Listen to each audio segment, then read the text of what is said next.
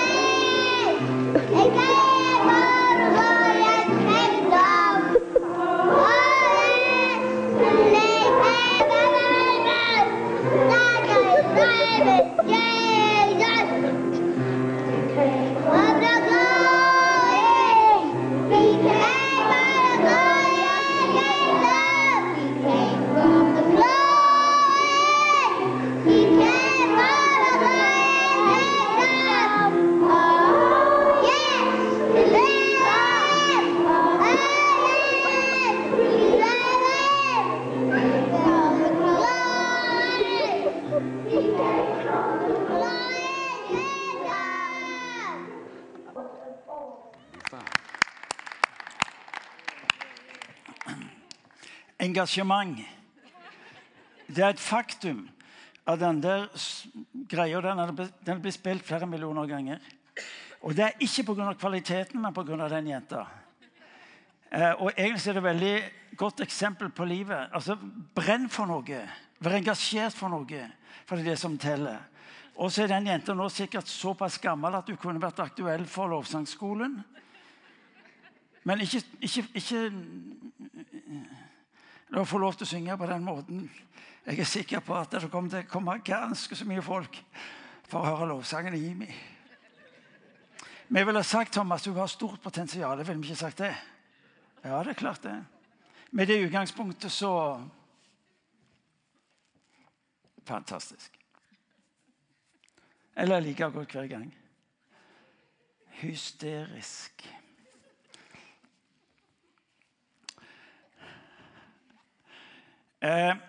Imi er ikke midt i, men vi har denne høsten fått lov til å ha et fokus eh, på den delen av Bibelen som vi kanskje i liten grad har et forhold til, nemlig Det gamle testamentet.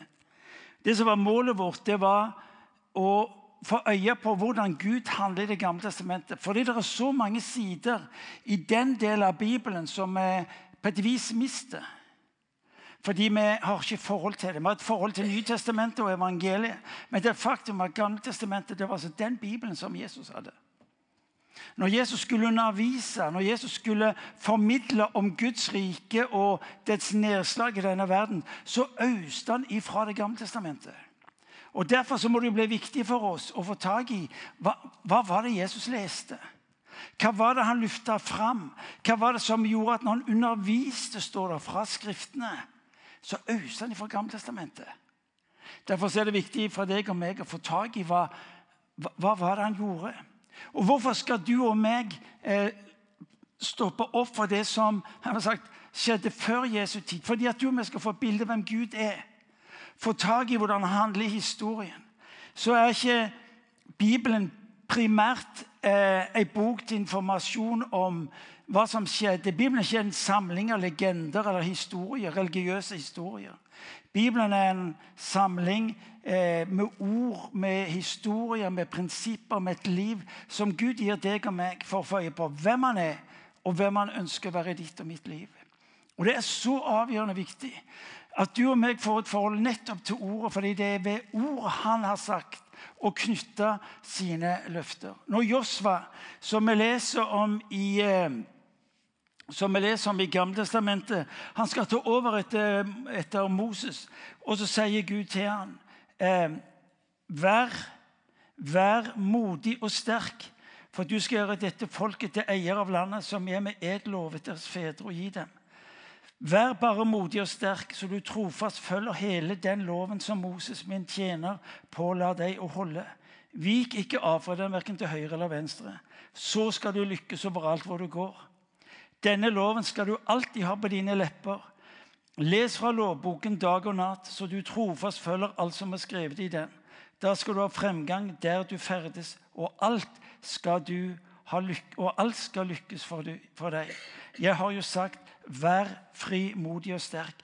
La deg ikke skremme, og mist ikke motet. Gud har et ord til Josva der han er ved begynnelsen av sin tjeneste med å ta folket inn i det folk, eh, israelsfolket gjennom generasjoner hadde sett frem til.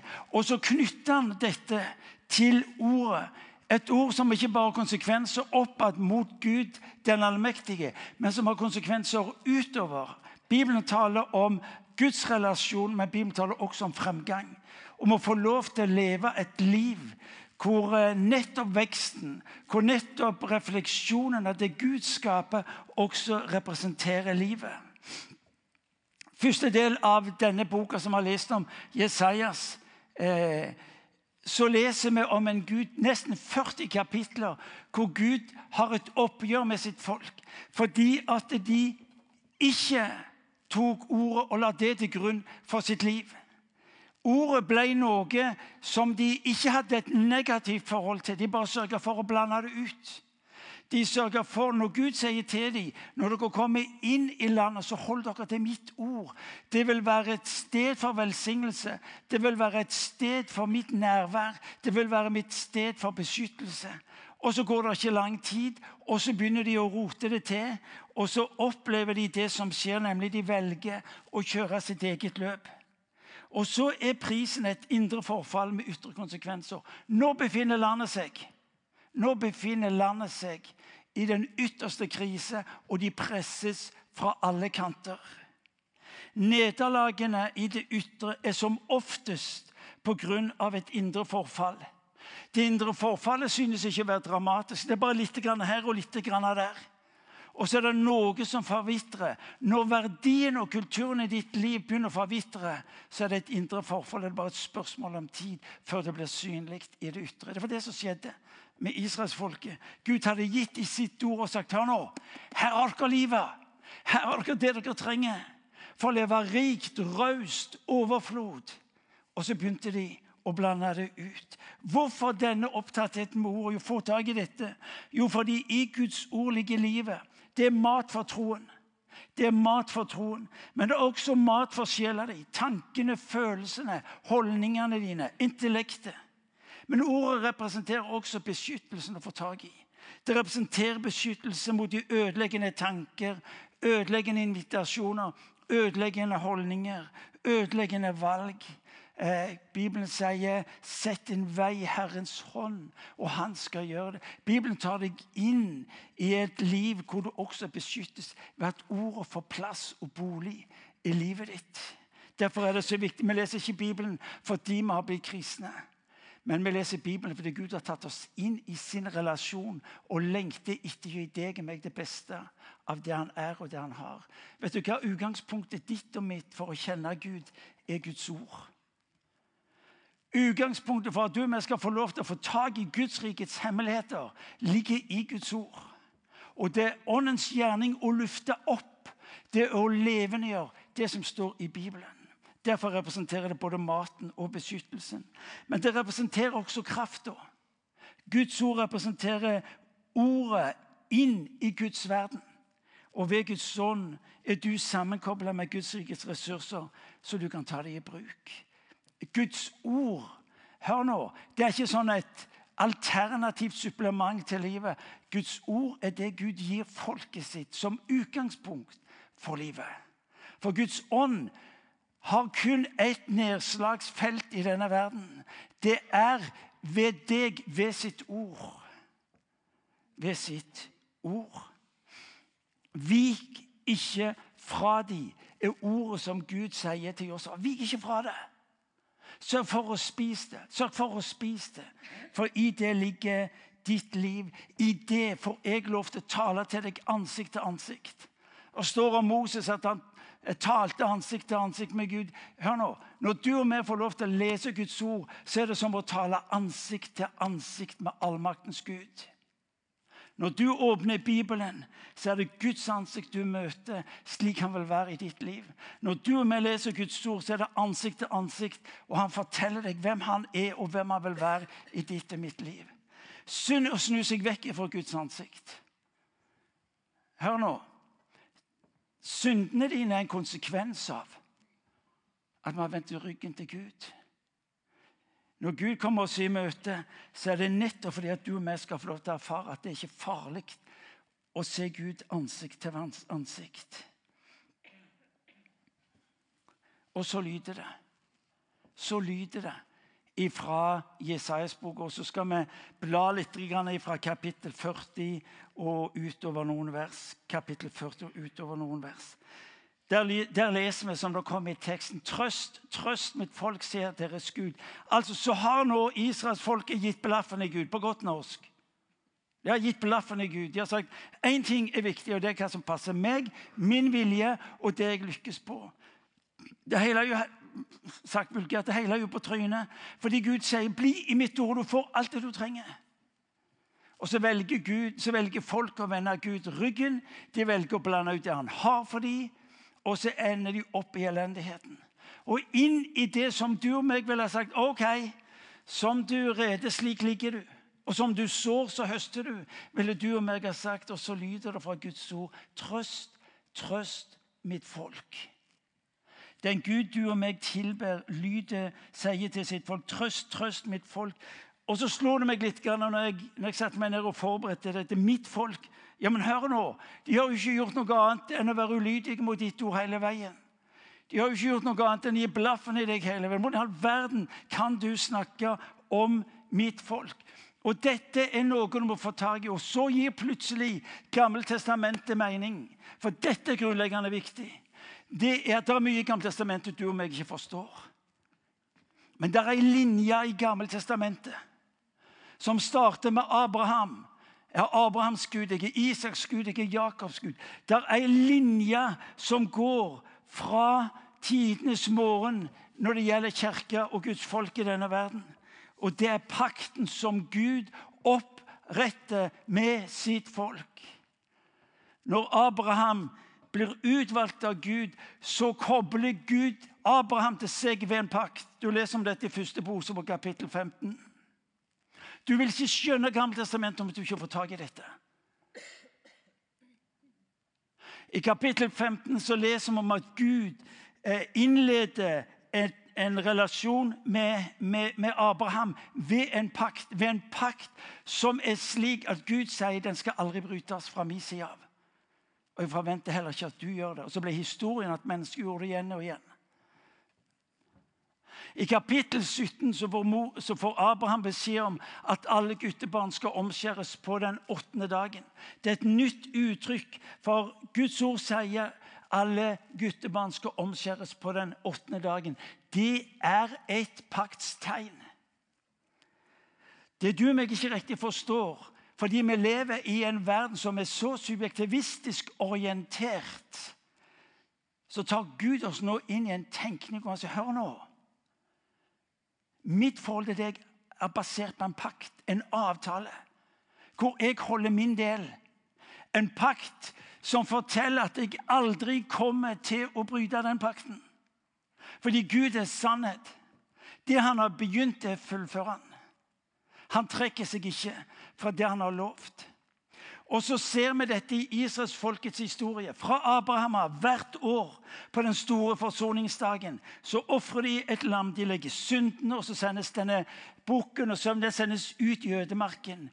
Det er et uttrykk for pakten som Gud har innledet med sitt folk. Et folk som faller, et folk som gir på laffen.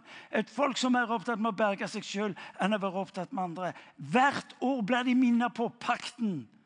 hvert de møttes til den store forsoningsdagen. Og så med Kristus så lyder det, for så høyt har Gud elska verden, at han ga sin sønn den enbårne, for at verden som tror på ham, ikke skal gå fortapt, men ha evig liv.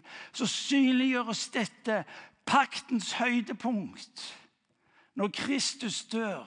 Hva er det Johannes sier? Se, det er Guds lam. Og så har han knytta forbindelse til Gamle testamentet. Og så skjønner de etter en stund at den som dør på korset han er det lam som sier noe om en Gud som opprettholder en pakt som han betaler den høyeste prisen for. Og så lyder det 'gå ut i all verden og døp alle mennesker i Faderens, Sønnens og Helligåndens navn'. I dåpen og dette må du få tak i, i dåpen så synliggjøres denne pakten. Når det lille barnet i Imi blir døpt så finner du parallellen til omskjærelsen av guttebarnet etter åtte dager. Det er en pakt som innledes.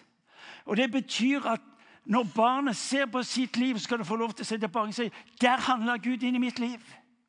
Eller om du som voksen døpt, tok imot Jesus og ble døpt, så skal du vite at det holder. Du skal slippe å gå rundt og spørre deg sjøl jeg holdt min omvendelse holde min bekjennelse, holde mitt sånn at jeg Du og meg strever så mye med feil ting. Når Gud handler i dåpen, så er det for å si vet du hva, Nå gjør jeg noe i ditt liv som du skal få lov til å veddeholde. Uansett hva du gjør. Uansett hva du gjør. Og så blir nattværet nettopp et uttrykk for denne pakten. Når du og meg kommer sammen og feire Jesu legeme og blod, hva er det for noe? Det er en påminnelse om et offer.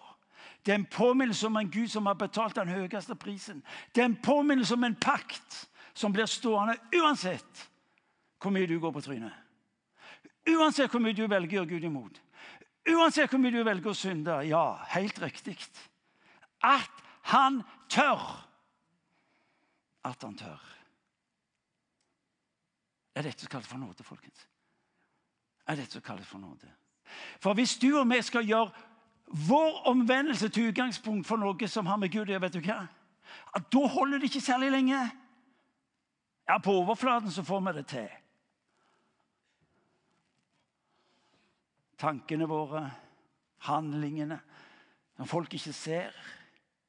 Ordene som spretter ut. Det du kan gjøre, Og så kan vi begynne å ramse opp. Ja, Vi kan legge noe på bordet si 'jeg klarer meg'. Å ja. Og så er det der nede, der unna. Gud i sin nåde vet hvem vi er.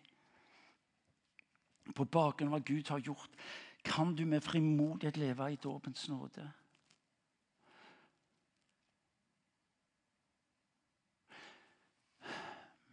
Jeg har ikke behov for å gå ut mot noen. Men, men, men, men det er noen som flyr rundt og døper folk på nytt. Det er ikke nødvendig. Jeg kan forstå tankegangen, men det er ikke nødvendig fordi at den dåp som Gud tok deg inn i, den står der. Smør på flesk. Kall det hva du vil. Men det er ikke nødvendig. Fordi det han har gjort i pakten En gang når du blir døpt, enten som barn eller som voksen, det står der. Nå skal ikke jeg si at en ny dåp blir nesten uttrykk for hverandre. Jeg skal ikke si det. Men det er nesten som å si Gud, jeg må gjøre det en gang til, for jeg er ikke sikker på om du holder ord på det du gjorde den gang.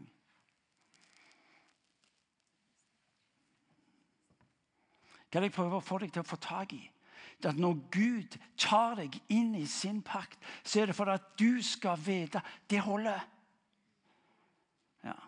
Jeg er til tider så, så trøtt av meg sjøl. Er du med?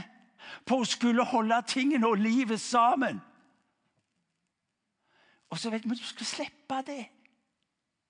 For ved sin pakt har han gjort det en gang for alltid. Mine barn slutter ikke å være mine barn fordi de gjør dumme ting. Mine barn opphører ikke å være gjenstand for min oppmerksomhet, kjærlighet og godhet fordi de gjør dumme ting. Og så lyder det til dette folket, som, som har blitt spesialister på å gjøre dumme ting. Trøst, trøst. Mitt mitt folk. Hadde han nå enda sagt det folket, så kunne jeg ha forstått det. Men han sier 'mitt folk'. Han vedkjenner seg dette folket. Det er den guden du og meg tror på og tilber. Det er den Jesus jeg har blitt så ubegripelig glad i. Fordi at han ikke sorterer folk etter hva de får til, prestasjoner, åndelighet og fromhet. You name it. Ja. Dere skal få nåde. Og så lyder 'Hennes skyld er betalt', står det i begynnelsen av kapittel 40. Og så sier 'Hennes skyld er betalt'. Der du og meg ville kalt det oppgjør, eller vi sa ikke men var det godt nok? Holder det mål? Så er hennes skyld er betalt. Han ser på ditt liv og det skulle vært annerledes. Ja, men skylda di er betalt. Når du kanskje er opptatt med ting du skulle gjøre eller bør gjøre, eller blir oppfordret til å gjøre av andre, så sier jeg men din skyld er betalt. Jeg har ikke forandra mening om deg, jeg. Jeg har ikke forandra mening om deg. En gang til. Det er den ubegripelige Gud du og meg får lov til å tro på. Tilbe.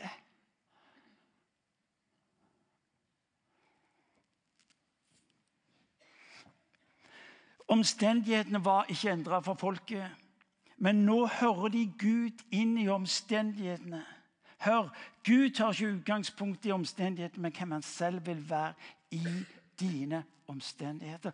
Da trenger du og meg å Hvem er du?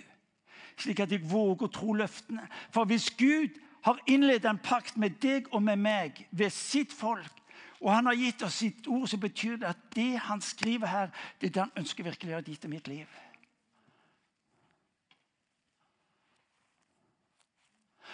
Da leser du det ikke i henhold til prestasjon, men du leser det i henhold til relasjon. Det er ikke et utgangspunkt den dagen du får det til. Da kan jeg be, eller da kan jeg stå på. Men jeg får lov til å forholde meg til det. Fordi han vet hvem jeg er. Han kommer i hu at jeg er støv, står der. Så er altså ikke min frimodighet basert på at jeg får det til, men fordi jeg får lov til å ha relasjon med én. Med én som ikke forandrer mening om meg. Det er paktens vesen. Det er paktens vesen. For Gud vil alltid minne deg på hva han har gjort, og hva han vil gjøre. Trøsten har sitt utgangspunkt i han og hva han vil gjøre. Når, du, når, han, når, han, når han, snakker om trøst, folkens, så gir han deg ingen, han gir deg ingen formel. Han kommer sjøl. Det er interessant at han kommer sjøl. Og så lyder det fra kapittel 40, vers 25 til 26. Hvem vil dere sammenligne meg med? Hvem er jeg lik, sier den hellige. Løft blikket mot det høye og se. Hvem har skapt alt dette? Han som teller stjerners her, fører dem ut og kaller dem alle ved navn. Hans kraft er så stor og hans styrke så veldig at ikke én skal eh, mangle. Gud utfordrer, og dette gjelder deg og meg òg. Gud utfordrer folkets tankesett, måten å relatere til han på. Fordi ut ifra hvem de forstår han å være, kjennskapet til han, vil også relasjonen til han bære preg av det. Dere har hørt meg si det mange ganger. Det er et faktum at når jentene var mindre, Hanne Therese og Mia Merene, så opptrådte de helt annerledes overfor meg enn de andre ungene i gata. Det var ingen av ungene i gata som bare kom på døra og gikk inn og forsynte seg i kjøleskapet. Ungene våre jeg gikk ikke lang tid før de skjønte at de hadde fri adgang. Ja, ikke bare det at de tok det som var i kjøleskapet, men titt og ofte så var det 'Pappa, du trenger litt penger.' Ja Ja vel.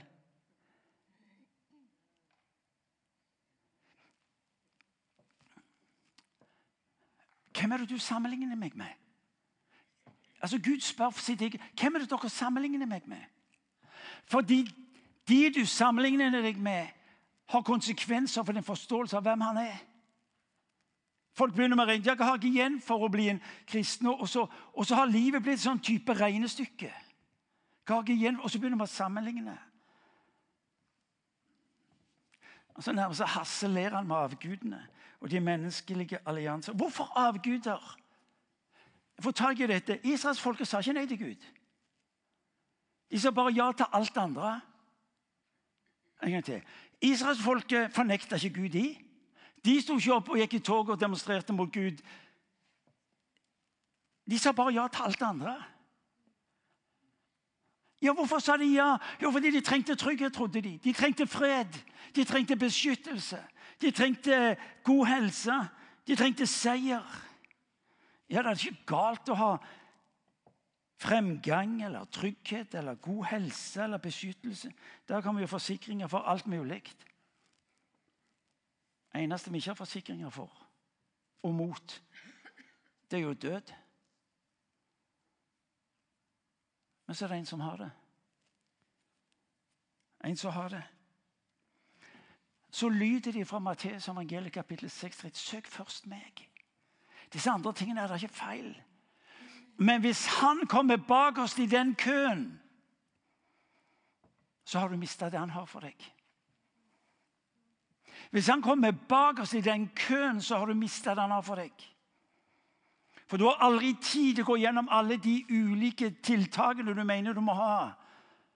Du har ikke tid til å komme til han med det som gjelder han.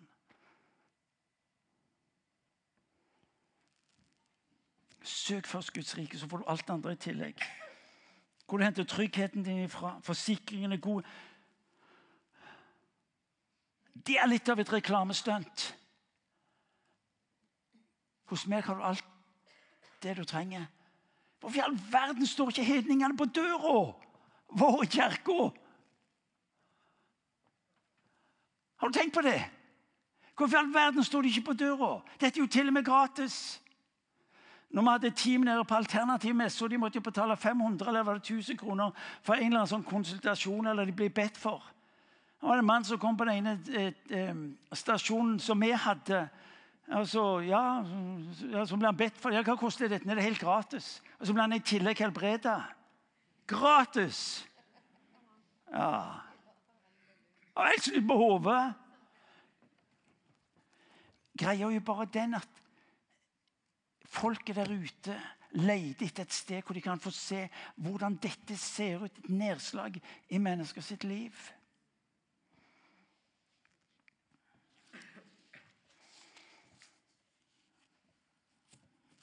Din sammenligning blir dine prioriteringer. Det er derfor Gud stiller spørsmålet. Din sammenligning blir dine prioriteringer og sier også muligheten Gud tar for å være Gud i livet ditt. For det er jo det det betyr å være en kristen. At du og meg blir del i Guds frelse, er egentlig bare det som trengs for at Gud skal få lov til å være Gud i ditt og mitt liv. Før var det skilsmisse mellom oss. Frelsen har et mål. Det er at han skal få lov til å være Gud i ditt og mitt liv. Tenk den tanken. Tenk den tanken. Gud vil være Gud i ditt liv. Allmaktens Gud. Kom an.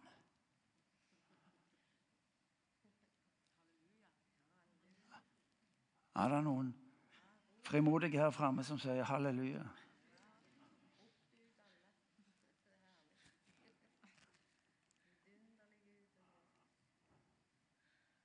Forutsetningen for sammenligningen er at du forstår hvem Gud er. Forutsetningen for sammenligningen er at du forstår hvem Gud er. Forstår du hvem jeg er, er egentlig spørsmålet til israelsfolket. Og det er samme spørsmål til deg og meg òg. Hvem vil du sammenligne meg med? Eller hvordan forstår du at jeg er? Hvordan forholder du til meg? Forstår du hvem Gud er? Så lyder spørsmålet også til deg. Forstår du hvem jeg er? Så er altså Bibelen gitt deg og meg nettopp for at vi skal få en dypere forståelse, sterkere kjennskap til hvem han er, slik at vi kan lære å forvalte det han gir oss. Få tak i dette. Når, når du og meg forstår hvem han er, sammen med erfaringene vi gjør med han, vet du hva? Når, når uh, Bibelen sier 'prøv meg', bl.a. i Malakias kapittel 10, 3, så, 'Prøv meg', sier han. Ut ifra ordet og ut ifra erfaringen. Når du forstår hvem han er, så kan du også forvalte det han har gitt deg. For du og meg står i fare for å ikke forvalte det han har gitt oss, fordi vi forstår ikke hvem han er. Når Bibelen snakker om Guds rike kom ned, Guds rike er mellom dere med bl.a. undertegn og mirakler. Hvis ikke du og meg forstår at det kommer fra Han, og at han har en lidenskap å se dette virkelig gjort mellom oss, så, så står vi i fare for å ikke forvalte det. Og Hvis ikke du og meg forvalter det han har gitt oss, så vil vi heller ikke se forvandling i menneskers liv og i samfunn. Så Bibelen taler om å forstå hvem han er, slik at vi kan forvalte det han har gitt oss, slik at følgen blir at samfunn og mennesker forandres. Denne verden lengter etter de berøringene. Denne verden finner aldri fred før de gjør erfaringen av at Gud er god. Jeg mottok en mail her i mandag eh, som gjorde et dypt inntrykk på meg. Et dypt inntrykk. Det var en mann som sier at eh, jeg, kan, jeg, jeg, kan, jeg kan dele dette som sier at jeg Jeg, jeg, jeg kommer fra Ryfylke og har levd opp på bedehuset. Vokst opp på bedehuset, sier han. Og så hadde det sett slik at Kona mi endte opp på en åpen himmelkonferanse og kom tilbake igjen forandra. Og så fikk, det, fikk hun eh, gratisbilletter til neste åpen himmelkonferanse. Og så skriver han dette kunne egentlig kanskje være en invitasjon og noe Gud leder inn i. Og Så han, så drar han, og så deltar han på denne Åpen himmel-konferansen. Så sier han livet mitt er forandra etterpå. sa han. Og så sier han jeg kan alt om synd. Jeg Jeg er ekspert på synd. Jeg Jeg har hørt så mange prekener om det. At det er, det er jeg ekspert på. Men møtet med Guds godhet har forvandla livet mitt. Hør, folkens. Denne verden lengter etter for Gud er god. Ja, men da, da er det viktig at du og meg forstår. For at vi kan forvalte det han gir oss, slik at vi kan se denne forvandling som du hører om nå, skje i mennesker sitt liv. Det er for Guds ord. Hvordan er din Gud? Hvis det er nabo eller kollega som ja, hvordan er din Gud? Ja, da snakker han om ja, hvordan forstår du din Gud å være? Og I det øyeblikket utfordres du på å forvalte. Fordi denne verden vil ha det du har. La det bli kjent. Profeten Elias. Midt i, midt i sorgen over et folk som har vendt Gud ryggen, midt i møtet med avguderiet, så utfordres han på berget. I kampen med Balsprofeten så roper han 'La det bli kjent, Gud' at du er Gud, og at vi er ditt folk. Og Det er det ropet jeg har i mitt eget liv. Gud, la det bli kjent at du er Gud. Slik at menneskene der ute kan våge å tro at Gud er god. Han forvandler liv, og han er verd å fylle. Trøst, trøst mitt folk. Trøst, trøst mitt folk. Og så leser vi i kapittel 43, vers 1. Vær ikke redd. Vær ikke redd. Jeg har løst deg Gud. Jeg har kalt deg ved navn. Du er min. Igjen er han utgangspunktet for hvordan han handler med deg og med meg. Igjen er han utgangspunktet. Jeg har løst deg ut. Gud gir ikke deg og meg en formel så sier han, her har du det du trenger.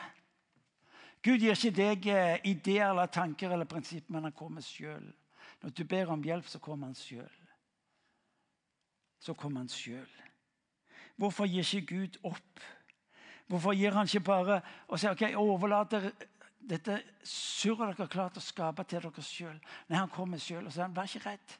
Midt i det selvforskyldte, midt i det som skulle være annerledes, så han vær ikke redd. Vær ikke redd. Vær ikke redd. Bare la oss få teksten opp igjen, Hanne.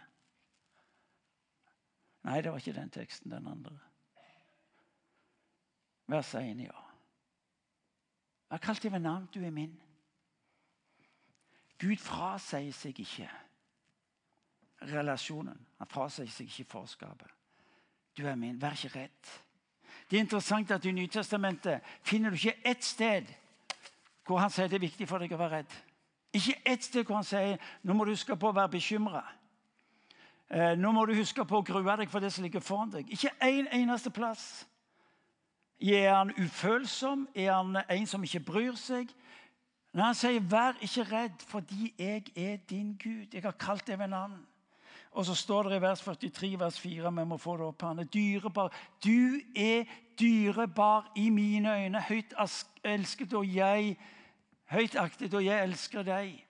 Jeg er menneske i stedet for det folkeslag for ditt liv, fordi du er dyrebar i mine øyne. Det er Guds ord over ditt liv. Det er Guds, over ditt, Guds ord over ditt liv.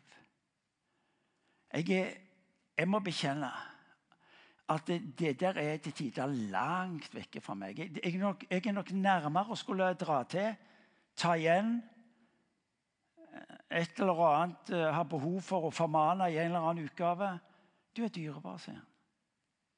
Til et folk som du og meg ville sagt dere er vel kvalifisert for straff. Du er dyrebar i mine øyne. Midt inne i teksten av oppgjør med et folk så lyder det Du er dyrebar i mine øyne. Vers, 40, nei, vers 18-21 i samme kapittel 43. Hør så vakkert. Dere skal ikke minnes de første ting, ikke tenk på det som hendte før. Se, jeg gjør noe nytt. Nå spirer det fram. Merker dere det ikke? Ja, jeg legger vei i ørkenen, elver i ødemarken. Ville dyr skal ære meg, sjakaler og strutser, for jeg gir vann i ørkenen og elver i ødemarken. Du skal ikke minnes de første ting. Du skal ikke minnes de første ting. La oss gå tilbake til versene, Hanne. Ikke på, tenk på det som hendte før. For mange mennesker er nettopp fortida det vanskeligste i livet, for de blir aldri ferdige. Og så sier Gud, 'Jeg var i din fortid'. Jeg var der. Det du, det du, vet du ikke skulle ha gjort, eh, synd du ikke skulle ha gjort, nederlag du opplevde, så kom han deg og meg i møte og så sier han, 'Jeg var der'. Jeg var der. Jeg var der. Du skal ikke minnes de første tingene. Gud elsker å skape og nyskape. Han har betalt en altfor høy pris til at mennesker skal gå glipp av den. Og så er disse løftene knytta til denne som kalles for Herrens lidende tjener. Du leser om bl.a. Jesajas boka, kapittel 53 i den samme boka. Om han som bar våre synder, som tok våre sykdommer på seg. Han sier, 'Tenk ikke på fortida'. Tenk ikke på fortida. Plages du av fortida di, så sier han, 'La meg få lov til å ta bolig i din fortid'. La meg få lov til å ta bolig i din fortid, og så skal jeg bære den vekk.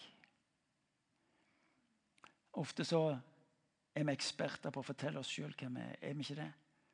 Eller omgivelser som stadig vekk minner oss om nederlagene, om det som skulle vært annerledes. Omvendelse og skulle få lov til å gå fra seg sjøl til Gud. La seg omfavne av Gud. Omvendelse betyr å skifte sinn la seg omfavne Gud. Og så er det så vakkert, for det står at du skal slippe å definere livet ut fra omstendighetenes muligheter. Når Gud handler i ditt og mitt liv, så er det ikke omstendighetene som definerer hva som er mulig, men hvem Gud selv er inni ditt liv. ødemark, ørken, ville dyr, sjakaler. Så snakker han om nei, jeg skal lage en vei i den ødemarken. Gjennom det som er ditt liv, det som, som hele veien innhenter deg.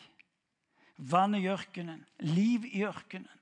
Elver i ødemarken, så mitt folk kan få drikke. Se, jeg gjør noe nytt. Nåde kalles det for. Hva trenger du til at han gjør i ditt liv? Hva trenger du til at han gjør i ditt liv? Husker du pakten? Det du, det du, leser i Bibelen, ligger i pakten med Gud den allmektige. Og ikke betinget av at du har skikka deg rett og godt. Trøst, trøst mitt folk. Se, gjør noe nytt. Ikke la deg stoppe av fortida di. La meg få lov til å være Gud i ditt liv. Jeg skal slutte. Nesten. Jeg må over i kapittel 45. Hvorfor, hvorfor, leser jeg så mye fra Guds ord til dere? Jo, fordi at eh, hvis ikke ditt liv kobles og knyttes og bindes fast til Bibelen, vet du hva? så blir du ikke stående når livet blir krevende. Vi kan inspireres og vi kan motiveres. Det er lyks. Det er bare det, det, det mister du. Men når livet blir vanskelig, det blir tungt, det blir mørkt, og du ikke aner hvilken vei du skal gå, ja, så vet du at Gud har jo ikke Det er ikke gått ut på dato. Jeg tok dine ord, sier profeten. Jeg, jeg spiste de. Jeg spiste de. Derfor er det så viktig for deg å være knytta og kobla til Bibelens ord. For det er i Bibelen jeg finner liv. Og det er ut ifra Bibelens ord at Guds ånd vil gjøre sine gjerninger. Og så leser vi i kapittel 45, vers 2. Jeg vil gå foran deg. Fjell vil jeg jevne ut. Bronsedører vil jeg knuse, og jernbommer vil jeg hugge stykker. Jeg gir deg skatter som er skjult i mørket, og rikdommer gjemt på hemmelige steder, for at du skal kjenne at jeg er Herren, som kaller deg ved navn, Israels Gud. For at du skal kjenne For at du skal kjenne at jeg er Herren. Jeg vil gå foran deg. Gud er ikke automat hvor du bare kommer med en bekjennelse, og så casher du ut litt lenger nede det som du ba om. Adrian, Dere kjenner Adrian, som tilbrakte tolv år av sitt liv nesten i en rullestol. Og Boka som Mariann skriver, hans mor skriver, det er at jeg, har, jeg hadde jo et godt liv. Jeg har jo et godt liv. Men når han ble spurt om hva som var det største når han var i Reading, når han ble helbredet, så sa han det var å oppleve Guds nærvær. Det var å oppleve Guds nærvær. Jeg vil gå foran deg. Og Hvis han er tro imot pakten, så betyr det at han alltid vil være foran deg. Hvis han er tro imot sin egen pakt, så vil han alltid gå foran deg. Og så skal du og meg slippe å gjøre troen vår så subjektivistisk. Gå hele veien. altså, Hvis jeg har fått klart å holde stien min ren og gjort de rette tingene og alt det der Nei. Pakten sier jeg vil alltid gå foran deg. Jeg vil alltid gå foran deg. Jeg vil alltid være der. Hva var det store, Adrian? Guds nærvær. For det er det det handler om. Hva er nærvær? Nærvær er relasjon. Hva er menighetens oppgave? Det er å hjelpe og trene oss til å leve av Guds nærvær. Fordi at vi mister det så fort. Ikke at vi mister det reelt, men fordi vi mister fokuset for det. Fordi det var så mange ting som tok plassen, og så mista vi det. Mens løftet til Moses i 2. Mosebok kapittel 33 er 'Jeg vil la mitt nærvær gå foran deg'. Det er paktens ord til en Moses og til deg og til meg. Jeg vil alltid gå foran deg. Derfor sier Paulus i Romerbrevet kapittel 8 ingenting kan skille deg fra min kjærlighet. Kjære Gud. Ja. Jeg har sagt det før mange ganger. Jeg sier det igjen. Jeg tror jeg har vært, jeg har vært med på det meste når det gjelder Guds rike, bortsett fra å se døde bli oppvakt. Det håper jeg en dag skal få se. Men vet du hva som gjør det sterkeste inntrykket på meg? Det er ordene fra Romerbrevet kapittel 8, vers 39. Ingenting kan skille deg, Martin, fra min kjærlighet. Det er pakten. Uttrykt i hans kjærlighet uttrykt i hans nærvær på en slik en måte, Martin. Jeg har aldri tvilt. Jeg har aldri tvilt på Gud. Jeg har tvilt grassat mye på meg sjøl. Derfor blir det ulykksalig hvis jeg skal gjøre min egen tro og min egen styrke til utgangspunkt for hvem han er og hvem han vil være i ditt og mitt liv. Ingenting, ingenting kan skille deg fra min kjærlighet. Så må vi ha med litt jul. Skulle bare mangle tre setninger.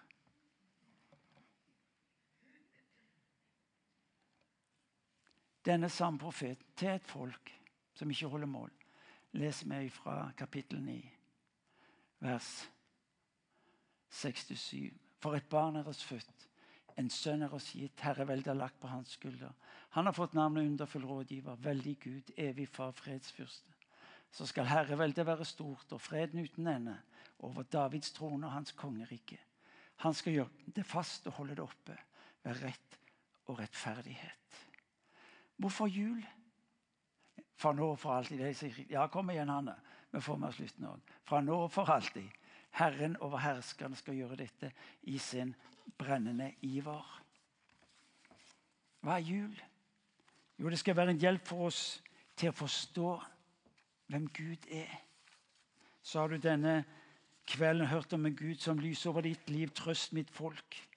Som minner oss om at skylda er betalt som kommer oss i møte, sier 'vær ikke redd, for jeg er deres Gud'. Jeg gjør noe nytt, og jeg vil gå foran deg. Jul er hjelp til å forstå hvem Gud er, slik at du og vi kan forvalte det han rekker deg og meg.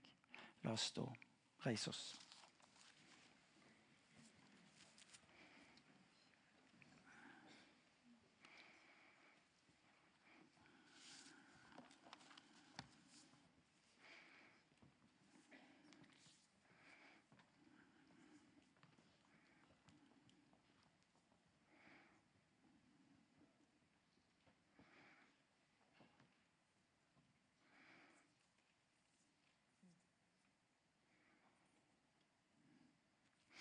Derfor, derfor, blir egentlig gudstjenestene våre så veldig spesielle. Ikke bare våre, men, men derfor gudsfolk kommer sammen.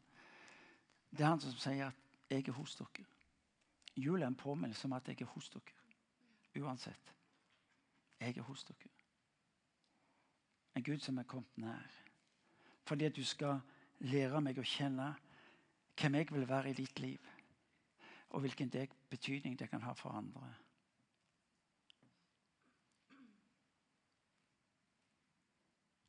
Julen er påminnelse om Han som kom, og som kommer hver dag.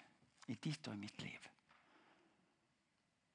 Som ikke spør til dine regnestykker, men som rekker deg sitt rike. La oss be. Herre Jesus Kristus. Vi takker deg fordi du er mellom oss som den som elsker. Som en dag, som en dag reiste opp en pakt mellom ditt folk og deg sjøl. Slik at ingen av oss skulle være nødt til å tvile, Herre. For vi kjenner oss sjøl. Vi vet hvem vi er. Men takk fordi du hjelper oss til å forankre Herre Jesus, troen og livet til deg og hvem du er. Jesus, takk fordi at du forandrer ikke mening. Takk, Jesus, fordi at du gir ikke opp. Men takk, Jesus, fordi du sier at vi skal få lov til å glemme det som ligger bak, og så skal vi få lov Jesus, til å bli en del av det nye du gjør. Herre, du som elsker å skape og nyskape. Far, jeg ber for oss som i denne salen i kveld. Herre, la oss få lov til å være et folk som denne påsken i adventstida, nei, jul, denne, får lov til å vandre sammen med deg, Herre Jesus. Denne adventstida. Hvor vi får lov til å motta fra deg, Herre. Slik, Herre Jesus, vi kan få lov til å leve det livet du både har skapt oss til, frelst oss til, Jesus, og tar oss inn i. Far, vi opphøyer ditt navn. Amen.